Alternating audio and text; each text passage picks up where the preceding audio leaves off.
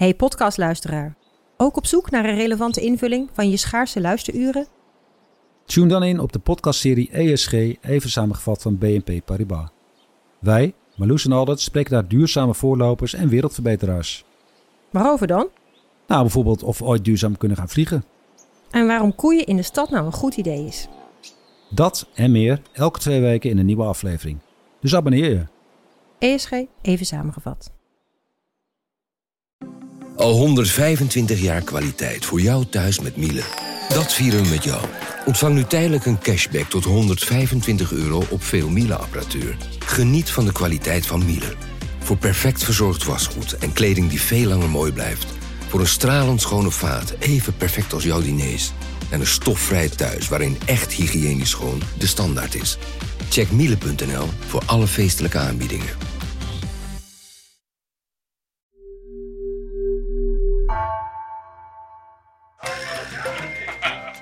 Even kijken, dit is de Instagram-pagina van het WK. Ik denk van het officiële van de WK-organisatie. En ze hebben, een, ze hebben een soort countdown van gemaakt. Dus iedere, bijna iedere dag zetten ze er filmpjes op met hun ambassadeurs. Dus als je je afvraagt, wat, wat doen die ambassadeurs voor werk? Ik denk dat ze vooral filmpjes aan het opnemen zijn. Hier zien we Ronald de Boer met Tim Cahill, een Australische voormalig voetballer, door, uh, door Doha lopen. Ze hebben een bal mee en ze gaan inkopen doen. Hier zien we Ronald de Boer, die in Doha aan het straatvoetballen is.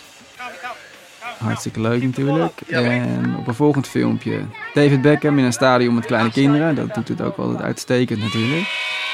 Hij krijgt volgens mij 175 miljoen voor zijn uh, ambassadeurschap.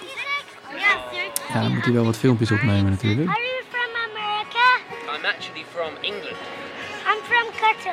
En ah, de Brazilianen, Cafu, Kaká, ook met de bal in de weer in Doha. Brasil, Inglaterra, Argentina, Ja, je krijgt er wel zin in als je het zo ziet, hè? Al die filmpjes. Cameroen, Op het strand, lekker voetballen. Qatar. Ja, die, die Brazilianen, die zijn, dat is natuurlijk ook een geweldige catch voor Qatar. Want die, die stralen zoveel Brasil plezier e uit. Argentina. Ik krijg ook zin om op het strand te voetballen als ik dit zie. Heb ik sowieso regelmatig, em um Oh, dit is het laatste. Ah, vrouwen die voetballen. En die, eh, ja, die, zijn toch goed aan het hoog houden als ik het zo zie. Doe ik je niet na. Every day. Je ziet jonge vrouwen, maar ook wat oudere vrouwen. En them. met hoofddoek, zonder hoofddoek, wit, zwart, alles door elkaar. Qatar weet zich wat dat betreft. Ze weten wel hoe ze mij moeten aanspreken in ieder geval. Dit is voetballand Qatar. Tenminste, zoals het zichzelf graag laat zien. Maar nog niet zo lang geleden stelde het voetbal vrijwel niets voor in Qatar. Sterker nog, het land leek sowieso in vrijwel niets op wat het nu is. Hoe is die voetbalkoorts ontstaan? En hoe is Qatar een voetbalnatie geworden? Machtig genoeg om het WK binnen te halen?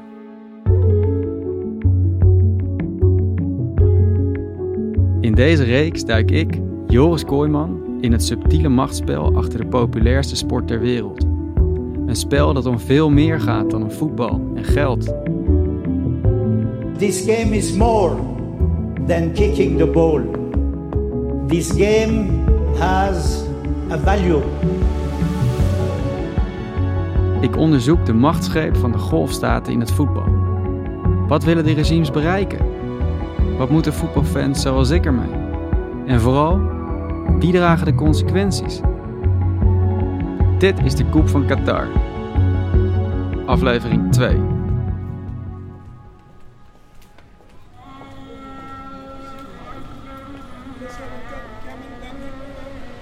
Om te begrijpen hoe en waarom Qatar zo ver is gekomen, moet ik natuurlijk eerst weten waar het land vandaan komt. En waar kan dat beter dan in Qatar zelf? In Doha contrasteert het geluid van klassieke minaretten met het moderne karakter van de stad. Met zijn wolkenkrabbers, ontelbare dure SUV's en gigantische voetbalstadions. Dit is het Qatar zoals de meeste Westerlingen dat kennen. Maar nog niet zo lang geleden zag het land er totaal anders uit. Alleen ik vind het moeilijk me daar een voorstelling van te maken, omdat werkelijk alles nieuw is hier. Zelfs de oude markt, de soek, lijkt relatief nieuw. En dus ga ik op zoek naar oudere Qataris, die me wel een beeld kunnen schetsen van vroeger. In een met airco gekoelde ontmoetingsplek, midden in het centrum, spelen mannen op leeftijd een potje dammen. Of dama, zoals het in Qatar wordt genoemd. De 72-jarige Khalid is hier kind aan huis. Hij draagt de traditionele Qatarese dishdash. Dat is een lang wit gewaad. En hij zit graag achter het dambord. Hij toont ons foto's van het Qatar uit zijn jeugd.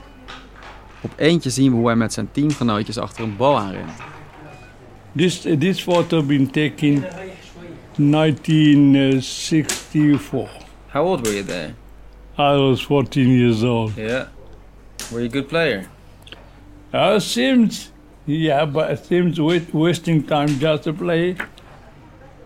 Wat ongelovig kijk ik naar de spelende jongens op de foto. Na vijf minuten wandelen door Doha gutste het zweet al van mijn lijf. Laat staan rennen in de buitenlucht. But wasn't it much too hot to play football? Or did you only play in the winter? No, because we are sitting around the sea. The, sea, the beach is very close to us. Just one step, you are jumping to the sea. When we play, we go and swimming. Ah, so you play, swim, play, swim. Yes, this is it. De jongens voetballen op gehard zand, waar alleen het met hout geïmproviseerde doel aan een voetbalveld doet denken. Did you have some kind of a league or competition or? You know, uh, each town, each city, each uh, corner in the city, they have their own clubs. We organize the schedules for the football. We are doing everything. And We don't have a stadium. Het valt me op dat sommige van deze jongens op de foto wel echte voetbalschoenen dragen. Van die klassieke zwarte, met witte Adidas-strepen. He's got the the Kaiser boots. The Yeah, yeah. Adidas Kaiser boots. They I are still. know, I don't know how we got it, but sometimes uh, a German um, uh, vessels coming here in the port, and they sometimes they give them this. They give him the boots. Yeah. they- I used to play on these boots. Well, a, a modern version of those, but still. Khalid schetst een beeld van Qatar in de tijd dat hij opgroeide. De jaren 50 en 60. Er werd al wat olie gewonnen, maar het stelde nog niet zoveel voor allemaal. It's very isolated place. No more houses than hundred or two hundred houses around the area where I lived. A small town, a zigzag, you can go to the last house yourself, moving around the narrow roads. And it says once it is get a rain or something, gonna get wet. Your clothes all get dirty. When you just go from your house to your uncle house, Ik vraag hem naar de hoge gebouwen die op dit moment de skyline van Doha bepalen. Waren die al in opbouw? Khalid begint te lachen. not tall, not tall. When I was the, when I was young, the the tallest building was only Sukwake. And was it a tough life? Very tough, very, very, very tough. Why? You know, no electricity, no air condition, no education at the time I lived, no health care as what you see today. It's very basic. Life was very difficult. Zoals veel andere Qataris is de vader van Khalid kapitein op een boot die op open zee naar parels duikt. They go for the diving every day from 8 o'clock in the morning up to the prayer time. We have one prayer time in the afternoon. Few of the shells contain pearls, and fewer still contain high quality pearls. The captain holds the pearls until the visit of the tawash, or pearl broker, from the mainland. Then the bargaining begins. The fruit of countless hours of dangerous and grueling exposure to sun and sea in cramped and difficult conditions, and a final price is arrived at with difficulty. Het Qatar van Khalid's jeugd is dus een slaperig woestijnstaatje. Een soort duim in de Perzische Golf, vastgeklonken aan Saoedi-Arabië. En leeg, wat lage stenen huisjes aan het water. Veel meer is het niet. Alles verandert met een gasvondst in de jaren 70. Qatar beschikt plotseling over enorme rijkdommen. Maar de ambities zijn dan nog bescheiden. Dat verandert midden jaren 90 met een staatsgreep. Bismillah ar-Rahman ar-Rahim. Alhamdulillah, wassalatu wassalam ala Rasulullah, Sayyidina wa Nabiyyina Muhammad. Het is juni 1995. In het prinselijk paleis in Doha, waar de emir woont en werkt, is al de hele ochtend een onbestemde spanning voelbaar. Kroonprins Hamad ijsbeert door het reusachtige witte gebouw, waar de rood-witte vlag van Qatar uitsteekt als een kaars op een slagroomtaart. Hij gaat zijn werkkamer uit en begeeft zich naar een grotere zaal, waar om een lange tafel zijn vertrouwelingen inmiddels zijn aangeschoven. Kroonprins Hamad, met zijn kenmerkende borstelsnor, is 43 jaar oud. Hij staat al lange tijd te popelen om de troon over te nemen van zijn vader, emir Khalifa. Maar die wil helemaal nog niet aftreden. En dus pleegt kroonprins Hamad een staatsgreep als zijn vader in het buitenland zit. Hij zegt, ik ben nu de nieuwe leider van Qatar. Zijn vader speurt het vanuit het buitenland nog wat tegen, maar hij kan er niets tegen doen. Hamad heeft ervoor gezorgd dat hij veel steun heeft binnen de familie. Ze lopen om en om naar de nieuwe emir en feliciteren hem met een kus op zijn neus. De staatsgreep gaat bijna geruisloos aan de rest van de wereld voorbij. Zelfs voor het Qatarese volk lijkt de dag van de staatsgreep een dag als alle andere. Maar dat is het niet, want de nieuwe emir heeft enorme plannen met het land. En hij zet die meteen in gang, ziet ook Khalid. Business started to raise up. Education, ministers, and what you call the healthcare started to be improved. Imagine that education and health and housing is free, free of charge for everybody. All what you do to work hard and to get education, to be abroad and come back with a certificate, you are certified for that position and you will find a job. De ogen van Khalid stralen als hij het heeft over Emir Hamad. Did you, did you actually know Sheikh Hamad personally? He's coming here to the souk. He came once here. We met him to the souk, hand by hand, shaking hands. And he's the one who granted the place for us. He given us this place. Khalid wijst om zich heen. Deze hangplek, waar de mannen dama spelen, was een cadeau van de emir.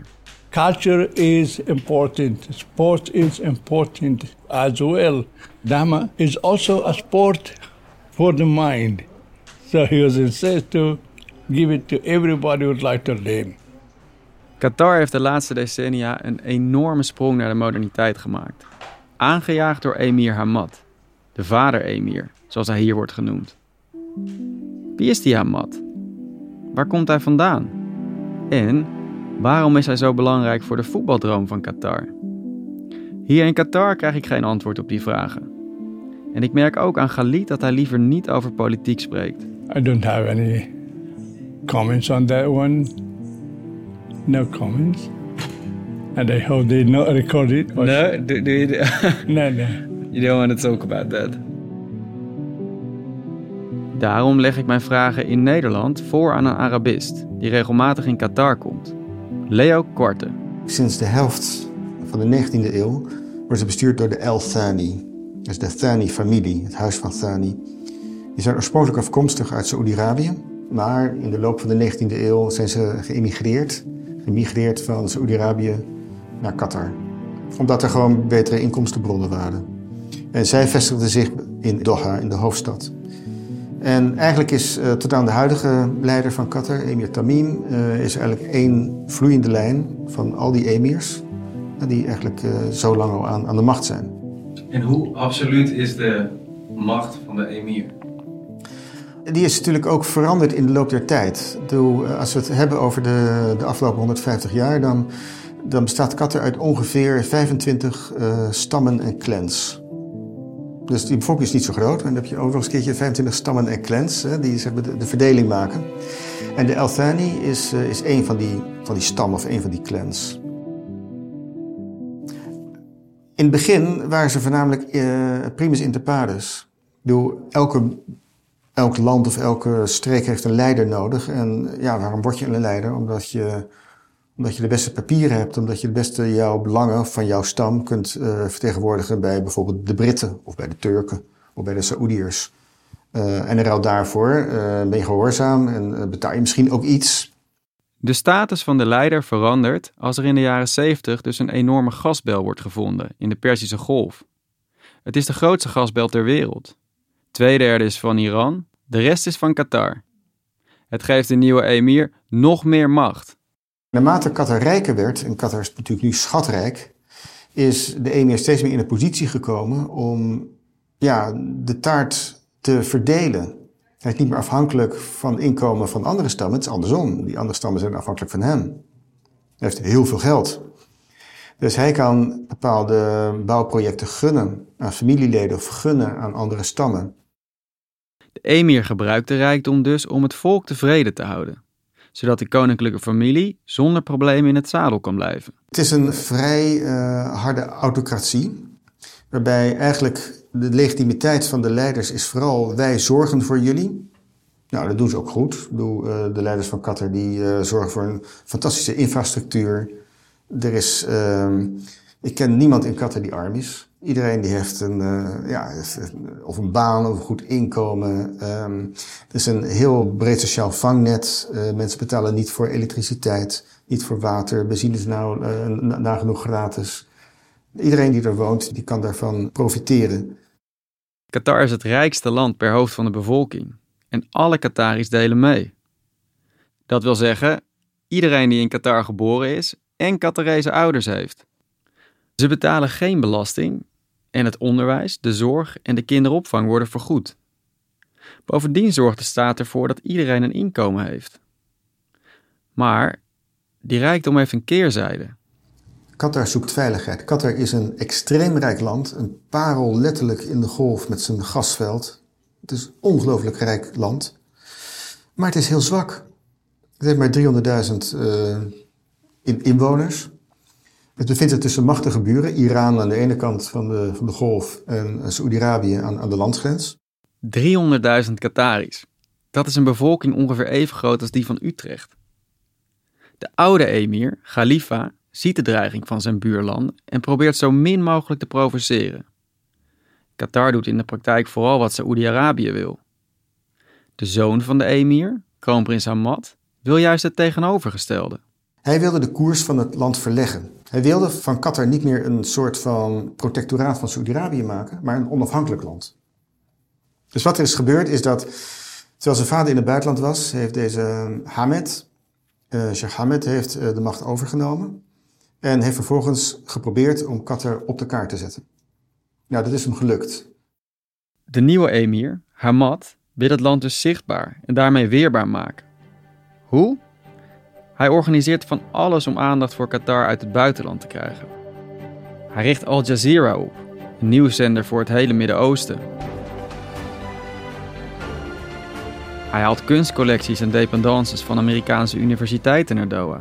In front of the newly opened National Museum of Qatar lies this installation from French artist Jean-Michel Otaniel. Qatar slaagt er zelfs in een wereldwijde handelstop te organiseren. En op uitnodiging van de emir vestigt Amerika een legerbasis in Qatar. This is the heart of America's military power in the Middle East. Everything from B-52s, fighter jets and refueling aircrafts. Hamad ziet nog een manier om Qatar te profileren. Sport. En dan vooral voetbal. Zijn droom? Het WK naar Qatar halen. Daarvoor moet de emir van zijn land een voetbalnatie maken die mee kan doen met de wereldtop. Maar hoe doe je dat in zo'n klein land? Hamad bedenkt dat hij de beste trainers en coaches nodig heeft. Die zijn alleen niet in Qatar te vinden. En dus haalt hij ze uit het buitenland, uit Nederland bijvoorbeeld. Wie zijn die mensen? Ja, mijn eerste ervaring was eh, ja, dat je eraan kon vliegen en dan, eh, ja, en dan keek ik zo naar buiten toe. En ja, alleen maar geel, alleen maar zand, dat is het eerste wat, het enige wat ik zag.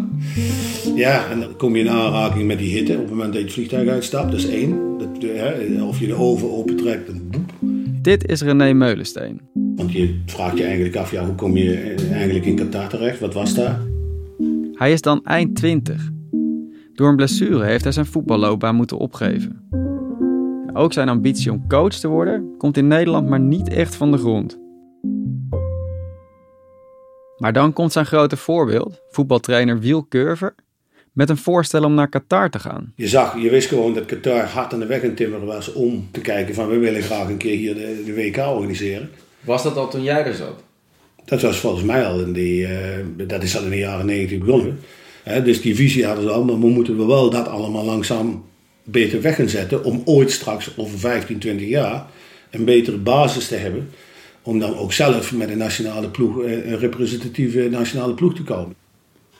En dus moeten Meulensteen en Curver aan de slag met een nieuwe generatie voetballers. En daar hebben wij toen alles zeg maar, eh, qua structuur opgezet van 12 jaar jonger tot en met 8 jaar. Die jongetjes die, die wij trainden, die waren eh, tussen de leeftijden van 8 en, zeg maar, 8 en 10 en 10 en 12. Twee, twee, soorten twee groepen hadden wij. Het zijn nauwelijks Qataris die Meulensteen klaarstoomt voor het nationale team. Ja, en daar waren toch veelal allemaal jongetjes zeg maar, van ouders die uh, vanuit Egypte en andere landen zeg maar, geïmmigreerd waren naar Qatar. En wel de Qatarse nationaliteit hadden. Maar uiteindelijk niet echt Qataris waren. Want ja, die Qatarische zeg maar, uh, jonge kinderen, ja, die hebben een hele andere mentaliteit en een insteek. Omdat in principe alles voor hen gewoon verzorgd en gedaan wordt. Dus dat waren toch veelal allemaal, zeg maar, hoe heet het, ja... Uh, secundaire Qatarse nationaliteiten, zeg maar, die overal vandaan kwamen. Want die Qataris, wat voor, hoe zou je die mentaliteit van die, die Qataris ja, uh, die jongens? Ja, die hebben geen cultuur en een, en een mentaliteit om, zeg maar, uh, qua sport om dingen het beste uit zichzelf te halen. Omdat er een, een situatie is gecreëerd dat ja, enorm verzorgend is, is voor de Qataris zelf. Dus op het moment dat jij ja, als jij een bepaalde, als jij geboren wordt als Qatari, dan krijg je sowieso al bepaalde bedragen van, van de regering op de bank. En dan gaat dan door totdat je op een gegeven moment 18 of weet ik wat wordt. En dan hup, hup. Dus alles, alles is in principe goed verzorgd. Ondanks die hitte wil Meulensteen zes keer in de week trainen. Hij past de trainingstijden erop aan. Wij trainden meestal zo net tegen de kant dat, dat de zon onderging. Dat is altijd rond een uur of half zes, zes uur. Dan is het nog wel warm, maar dan is in ieder geval die, die uh, zeg maar dat stekende weg van, van die zon. En gewoon korte periodes, 10, 15 minuten drinken, 10, 15 minuten drinken, dat soort dingen. Meulensteen ervaart ook zelf hoe zwaar het is om te voetballen in het Qatarese klimaat. Hij herinnert zich dat hij voor het eerst zelf ging trainen. Collega Wiel Curver klopt al vroeg op zijn deur. Dat was de eerste dag s morgens. Stond ik hem, uh, ja, ik denk zes uur s morgens langs mijn bed. En uh, de voetbalspullen mee en we liepen. Ik denk, ja, pak weg 20 minuten. En dan dichtbij zijn het stadion. En ja, goed, dat staat natuurlijk dicht. Kon je niet in. Want ja, zes uur s morgens, zeven uur is daar. Toen, toen moest hij, want ja, er was een muur, was net zo precies. daar klim ik wel overheen. Dus ik moest zo tegen die muur gaan staan, weet je wel, met de handen. En dan wiel die, hup, hij was 69 toen. Je moest hem een voetje geven? Ja, voetje hup en erop. En uh, dan ging wiel. Aan de andere kant, en in één keer hoorde ik hem er neerploffen. En toen dacht ik, ja, ja leuk, maar hoe moet ik, een beetje, ballen over de muur. Waarom wilde hij daar nou overheen klimmen? Ja, hij wilde gaan trainen. Dus ik had... Uh, met nou, wie? Met hem. Hij wilde mij testen of dat ik technisch goed genoeg was. En dan was het morgens vroeg, dan was het nog niet al te warm. Maar het was al vrij snel tussen de 25 en, en 30 graden. Maar goed, ik moest, dus ik ging om het stadion lopen. En, en, en uiteindelijk vond ik toch een gaatje waar ik gewoon doorheen kon. En uh, ja, Wiel die stond nog gewoon tegen de muur te roepen tegen mij van, die dacht dat ik nog aan de andere kant stond. Dus ik kwam gewoon achteraan lopen, tikte op de schouder en... Klinkt, maar goed, klinkt niet zo glamorous als... Nee, nee, nee. Zo leeg als het stadion is om 6 uur ochtends, zo leeg is het vaak ook bij wedstrijden van Qatarese clubs. Er is weinig interesse in hun eigen lokale competitie. Er was, wat ik kan nog herinneren, niet echt veel publiek bij de meeste wedstrijden. Of het moest gaan om, om als de topploegen tegen elkaar speelden. Of een Emir Cup finale bijvoorbeeld. Die werd altijd in het nationale stadion gespeeld.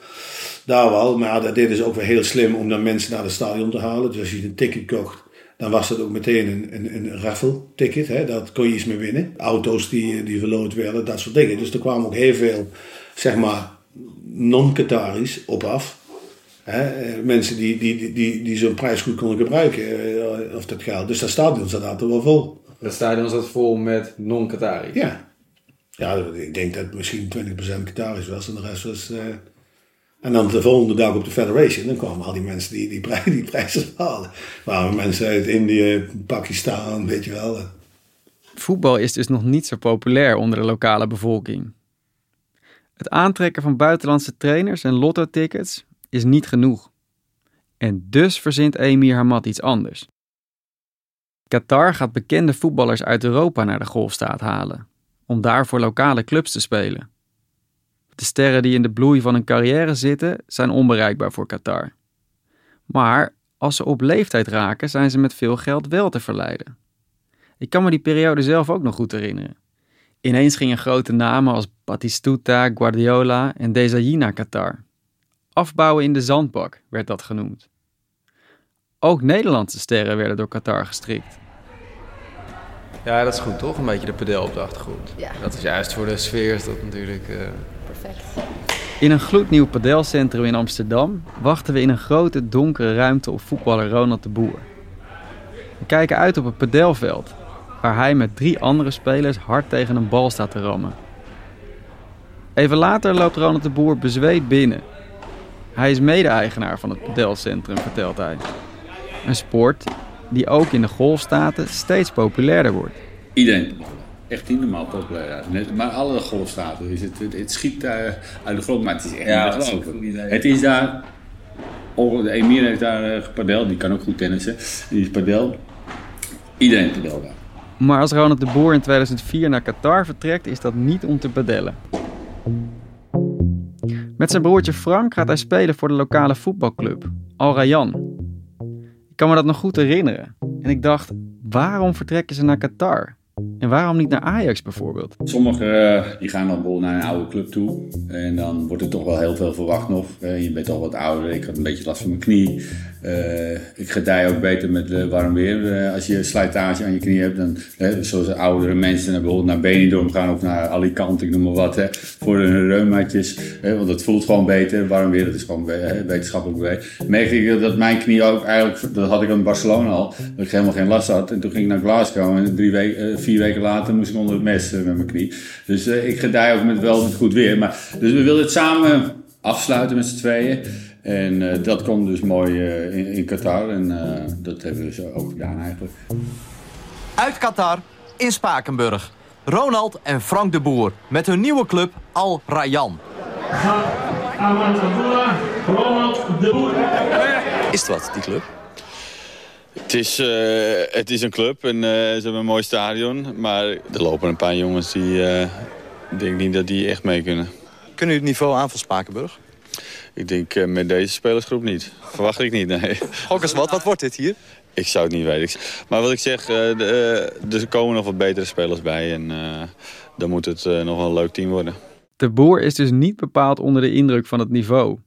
Het is dan ook niet zo vreemd dat de Qatarese voetballiefhebbers vooral naar het internationale voetbal kijken. Toen ik daar kwam, verbaasde me dat ook dat ze heel veel wisten van wat ik in 95 had gedaan. Eh, die penalty die ik miste in 98. Ze weten alles gewoon eh, over het, eh, hè, wat er in, in het voetbal omgaat. Dus het is niet alleen maar gericht naar het Qatarse voetbal. Juist meer eigenlijk vinden ze eigenlijk het internationale voetbal eigenlijk nog veel interessant. En dat bekijken ze ook allemaal. Ook Emir Hamad weet alles over voetbal. Die is helemaal gek van voetbal. En die, die wil zorgen dat het voetbal ontwikkeld wordt in, in de regio, maar zeker ook in Qatar. Hè, die wil een nationale ploeg hebben die eh, representatief is. En eh, ja, die man doet eigenlijk alles om overal op sportgebied eh, het land te ontwikkelen. Ronald de Boer ziet hoe belangrijk het is voor de emir dat zijn land een sportland wordt, een voetbalnatie. Hij haalt niet alleen beroemde trainers en spelers naar Qatar. Ook mensen die aan de touwtjes trekken in de sport duiken plotseling op in de golfstaat. De, die piramide is het hotel. Robert van Merendonk werkt rond de eeuwwisseling als directeur in het Sheraton Hotel. Het Sheraton is een opvallende verschijning in de skyline van Doha. Het lijkt eigenlijk nog het meest op een soort piramide. Het is op dat moment een van de weinige hoge gebouwen in de stad. In het enige echt chique hotel ziet Robert van Merendonk een stoet aan belangrijke mensen voorbij komen. Dit is uh, Van der Broek, die was toen minister van Buitenlandse Zaken, ben ik. Dit is de koning van België, Albert. Dit is de Amerikaanse generaal die uh, toen de Gulfoorlog, uh, toen was Doha, werd dus de plek waar de Amerikanen een basis gingen opbouwen. Die zat in het hotel. En hier is de president van Duitsland toen. Dit is de emir. Hier ook. Hier is de... Met die grote snor? Ja, hier ook. Dit is de sultan van Oman. En er is nog een gast die hem opvalt. Omdat hij het belangrijkste gezicht is binnen de internationale voetbalwereld. Er werd mij verteld dat er een belangrijke delegatie aan het lunchen was. En er zaten dus eh, zeg maar zes lokale sheiks in hun disdash en één meneer in een westers kostuum. En dat was Sepp Blatter. Dit was in 2001. Dus heel lang geleden, hè? dus 21 jaar geleden. Maar die was toen al in vergadering met de Qatari officials, zeg maar. De grote baas van de FIFA, de Wereldvoetbalbond die het WK organiseert, Sepp Blatter, zit in het restaurant. En, want je bent er even, even langs gelopen? Of hoe? Ja, ik ga, naar- dat doe ik. Dus vaak als er belangrijke gasten zijn, dan moet de general manager zijn neus laten zien. Hè? Dan gaan we een handje geven. Welkom, is alles naar wens. En eh, leuk dat u er bent. En eh, een beetje een kletspraatje maken. En hoe ging dat in dit geval? Nou, hij, hij was zeer eh, afzijdig. Hij wilde niks, hij wilde niet praten. Hij eh, zei hallo en, en eh, weg. Ja, hij liet dus duidelijk merken dat hij geen belangstelling voor mij had. Sepp Blatter zit daar niet voor small talk met de manager van het hotel. Hij heeft belangrijke zaken te bespreken met een man in een witte disdash. Van Merenonk herkent hem niet, maar het is in ieder geval niet de emir, een vriend van Blatter. De FIFA-baas heeft nog een vertrouweling in Qatar. Meet Mohammed bin Hammam. These days, when the presidents of the Asian Football Confederation talks, the world game is all ears. De Qatarese zakenman Mohammed bin Hammam. Ik had zelf eerlijk gezegd nog nooit van hem gehoord. Maar, zo begrijp ik al snel, hij speelt een cruciale rol in de voetbalambities van Qatar. En zijn relatie met FIFA-baas Sepp Blatter zal doorslaggevend blijken voor Qatars plan om het WK binnen te halen. Wie is dan die Mohammed bin Hammam? Waar komt hij ineens vandaan? En wat heeft hij met de FIFA te maken? Op het internet is het telefoonnummer van zijn bedrijf te vinden. Ik bel hem op. Dear Mr. Mrs. Ik stuur hem e-mails. Me and my colleague Joost Kooijman from the Dutch Media Group. NRC are currently making a podcast on how the Gulf states become increasingly bigger players in the international soccer world. Oké. Verzonnen. Maar ik hoor niks terug. Dus zoek ik contact met Alan Tomlinson. Hij is een Britse sportwetenschapper en vooral FIFA-expert. Al sinds de jaren 80 doet Tomlinson onderzoek naar de Wereldvoetbalbond. Hij is Mohammed bin Hammam zelfs meerdere keren tegengekomen. Inmiddels is Tomlinson met emeritaat, maar het onderwerp laat hem nog altijd niet los. So I'm still working on these things. The issue does not go away. Hij vertelt me dat Mohammed bin Hammam in 1949 wordt geboren in Doha. In 1974 begint hij een eigen zaak, bouwbedrijf Chemco. Hij is dan 25. Qatar heeft net de gasbel ontdekt en het land begint het ene bouwproject na het andere. Hammam wordt er schatrijk van. En er is nog iets waarmee Hammam van jongs af aan de aandacht trekt. Hij is een enorme voetbalfan. He was a billionaire businessman, but he was a football fan and organizer and, and kind of coach in, in, in his early, early days. Hammam coacht een paar Qatarese clubs en hij wordt voorzitter van de Nationale Voetbalbond. Het brengt hem in goed contact met de emir van Qatar, Hamad, want die deelt zijn passie voor voetbal. En emir Hamad steunt Hammam dan ook. als die begin jaren 90 meedenkt naar een belangrijke internationale bestuursfunctie. He, he got himself supported to get onto the Asian Football Confederations, essentially a representative of Qatar. En hij wint de verkiezing. Ineens heeft Qatar, een land zonder voetbaltraditie, een vertegenwoordiger in de top van een machtige Aziatische voetbalorganisatie. Maar Hammam wil meer.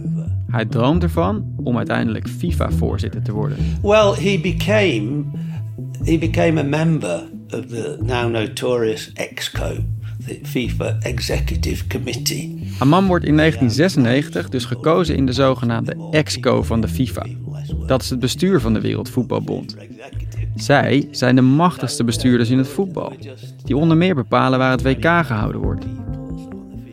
En bij de FIFA leert Hammam Sepp Blatter kennen, dan secretaris-generaal, een soort hoogste ambtenaar. Blatter wil ook voorzitter van de FIFA worden. En Hammam ziet al snel dat hij en Blatter iets voor elkaars ambities kunnen betekenen. But Bin Hammam identified Blatter as somebody who could benefit from, from his own, Bin Hammam's own skills, you know, billionaire, businessman, a, a global operator.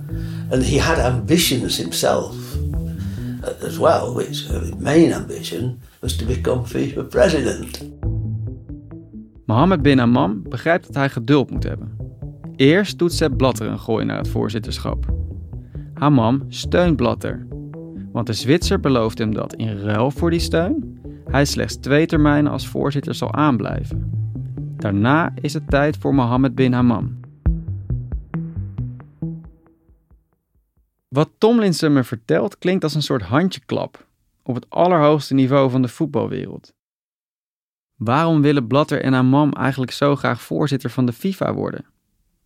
En waarom is die voetbalbond zo belangrijk voor Qatar? De Wereldvoetbalbond, de FIFA, eh, was heel lang een club van oude heren. Heel eurocentrisch geweest. Frank van Laken is een Vlaamse sportjournalist die al jaren over de FIFA schrijft.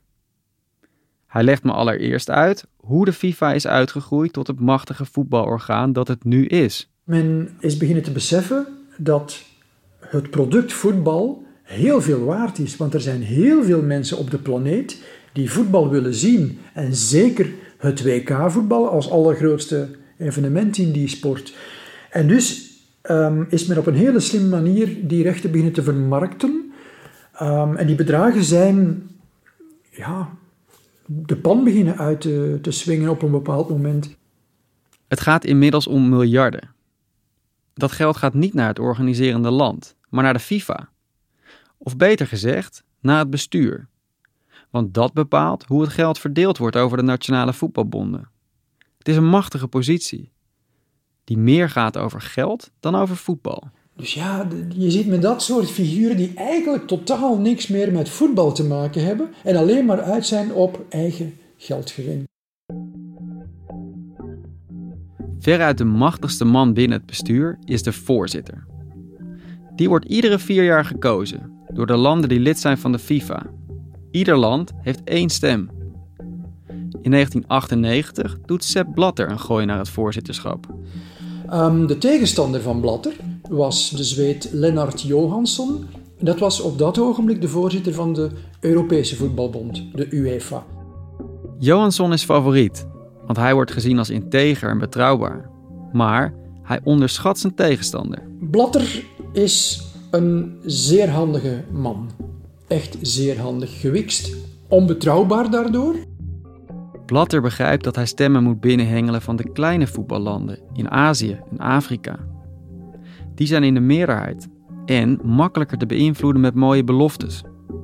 En met geld. Bij zo'n verkiezing van de FIFA komt het erop neer van uh, machtsblokken te verwerven. En uh, beloftes te doen, zoals bij alle verkiezingen ook parlementaire verkiezingen. Je doet beloftes en je probeert daardoor zoveel mogelijk stemmen te vergaren. Blatter moet dus de wereld rondreizen om campagne te voeren. Probleem is alleen, daar heeft hij helemaal geen geld voor. Mohammed bin Amman biedt de oplossing. Hij neemt de kosten voor zijn rekening en hij stelt zijn privéjet ter beschikking. En dat is niet alles. Om zeker te zijn dat die stemmen ook naar hem gingen, werd er ook met uh, envelopjes gewerkt waarin geld zat. En niet zomaar 50 dollar of zo, dat ging dan over vele duizenden dollars. En Blatter deed dat niet zelf, want ja, stel je voor dat hij betrapt zou geweest zijn, dan, dan had hij verloren. Hij vroeg dat dus aan die Mohammed bin Hammam, die dat heel trouw voor hem deed.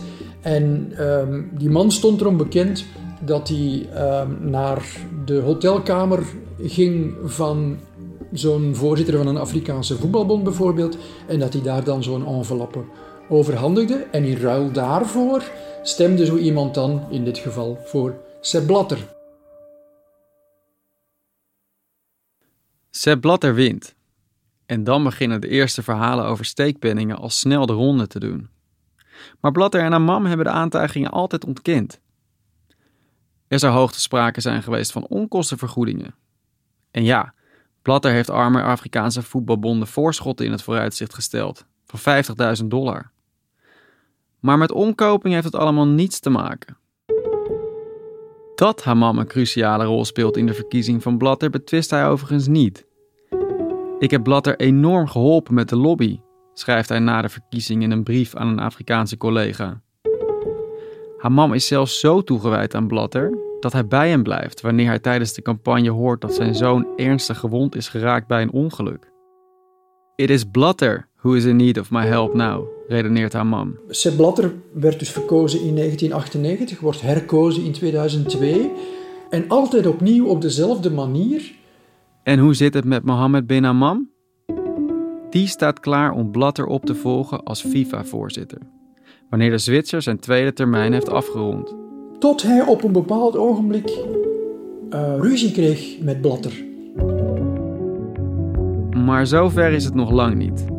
Voorlopig bewandelt Mohammed bin Hammam het pad naar zijn voetbaldroom. Hij zelf als FIFA-voorzitter en Qatar als de grootste voetbalnatie van de golfregio. En het land heeft nog meer plannen om dat te bereiken. Zo begint Qatar een megalomaan scoutingsprogramma. In terms of forward thinking and strategy, you know, I couldn't see it then, and somebody in Qatar could. And whoever that is, is, a, is, is basically a genius. Scouts reizen de hele wereld over om voetbaltalenten naar Qatar te halen. They're gonna take the best three. After they take the best three in Senegal, they go in Ghana, they take best three. In Cote d'Ivoire, everywhere they take in best three. After they go in, Qatar to test again. Wat dat met het WK te maken heeft? Luister volgende week naar aflevering 3 van de Koep van Qatar. Een podcast van NRC, gemaakt door mij, Joris Kooijman en Gabriella Ader. Montage door Jan-Paul de Bond. De muziek is van Darius Timmer. Eindredactie door Mirjam van Zuidam en Anne Moraal. En met veel dank aan Enzo van Steenbergen. Wil je de volgende aflevering alvast beluisteren? Ga dan naar de NRC Audio app. Technologie lijkt tegenwoordig het antwoord op iedere uitdaging. Bij PwC zien we dit anders. Als we de potentie van technologie willen benutten, kunnen we niet zonder een menselijk perspectief. Human-led, tech-powered noemen we dat. Ga naar pwc.nl.